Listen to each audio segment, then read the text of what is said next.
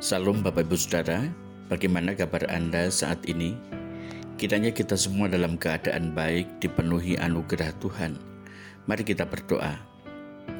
Tuhan Yesus yang maha baik, kami bersyukur oleh karena Tuhan membawa kami menjalani kehidupan dalam tujuan Tuhan.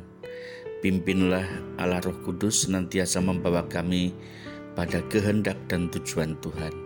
Kami bersyukur dalam nama Tuhan Yesus. Amin.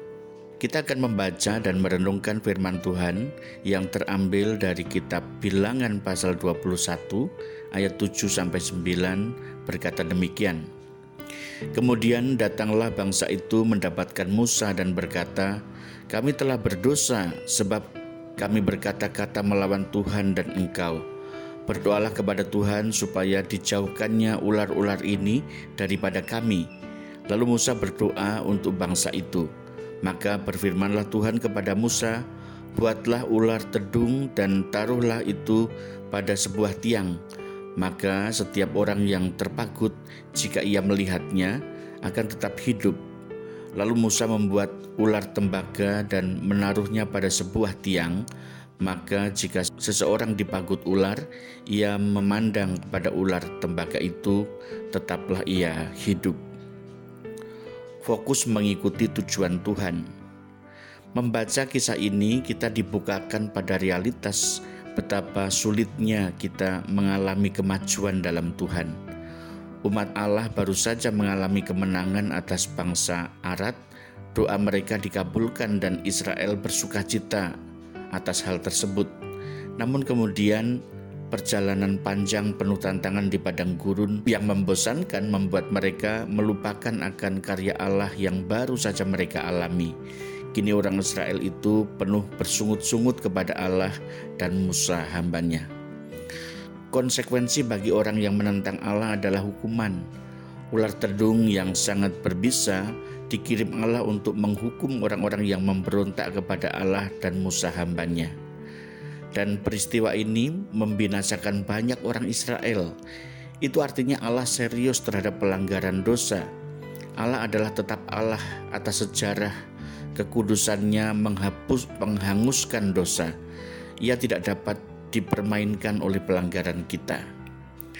Tindakan Allah yang adil menghukum orang yang memberontak kepadanya, sekaligus menyatakan kasih dan pengampunan bagi setiap orang yang berbalik dan mau melihat kepada tujuan dan kehendaknya.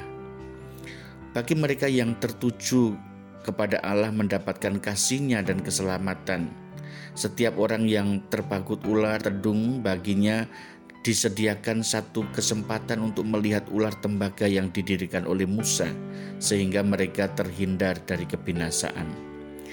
Peristiwa ini adalah tipologi Kristus di masa gereja, bagi setiap orang yang mau datang kepada Yesus, dosanya akan diampuni dan pengorbanan Kristus di kayu salib menebus setiap orang yang mau memfokuskan imannya kepada Kristus sebagai juru selamat dan Tuhannya. Kita adalah orang-orang berdosa yang mendapat kesempatan untuk melihat dengan iman kepada Yesus supaya kita diselamatkan dari kebinasaan dosa, supaya kita memiliki kehidupan kekal. Ini adalah kenyataan akan kehidupan baru kita di dalam Kristus. Oleh sebab itu, kita jangan main-main terhadap dosa. Kita harus memfokuskan hidup baru yang dipimpin oleh Tuhan dan menjalani praktek kehidupan baru sebagai anak-anak Tuhan yang dipimpin oleh Roh Kudus. Allah yang adil tidak membiarkan dirinya dipermainkan. Oleh sebab itu, jangan bermain-main terhadap dosa. Namun Allah yang adil itu juga yang penuh kasih tangannya terbuka bagi setiap kita yang mau memperbaharui kehidupan kita serta mau dipimpin oleh Allah Roh Kudus. Mari kita berdoa. Tuhan ampunilah kami yang sering kali tergoda untuk hidup mengikuti kehendak kami sendiri.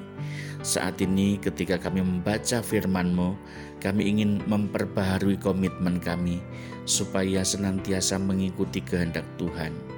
Dalam nama Tuhan Yesus kami memohon. Amin.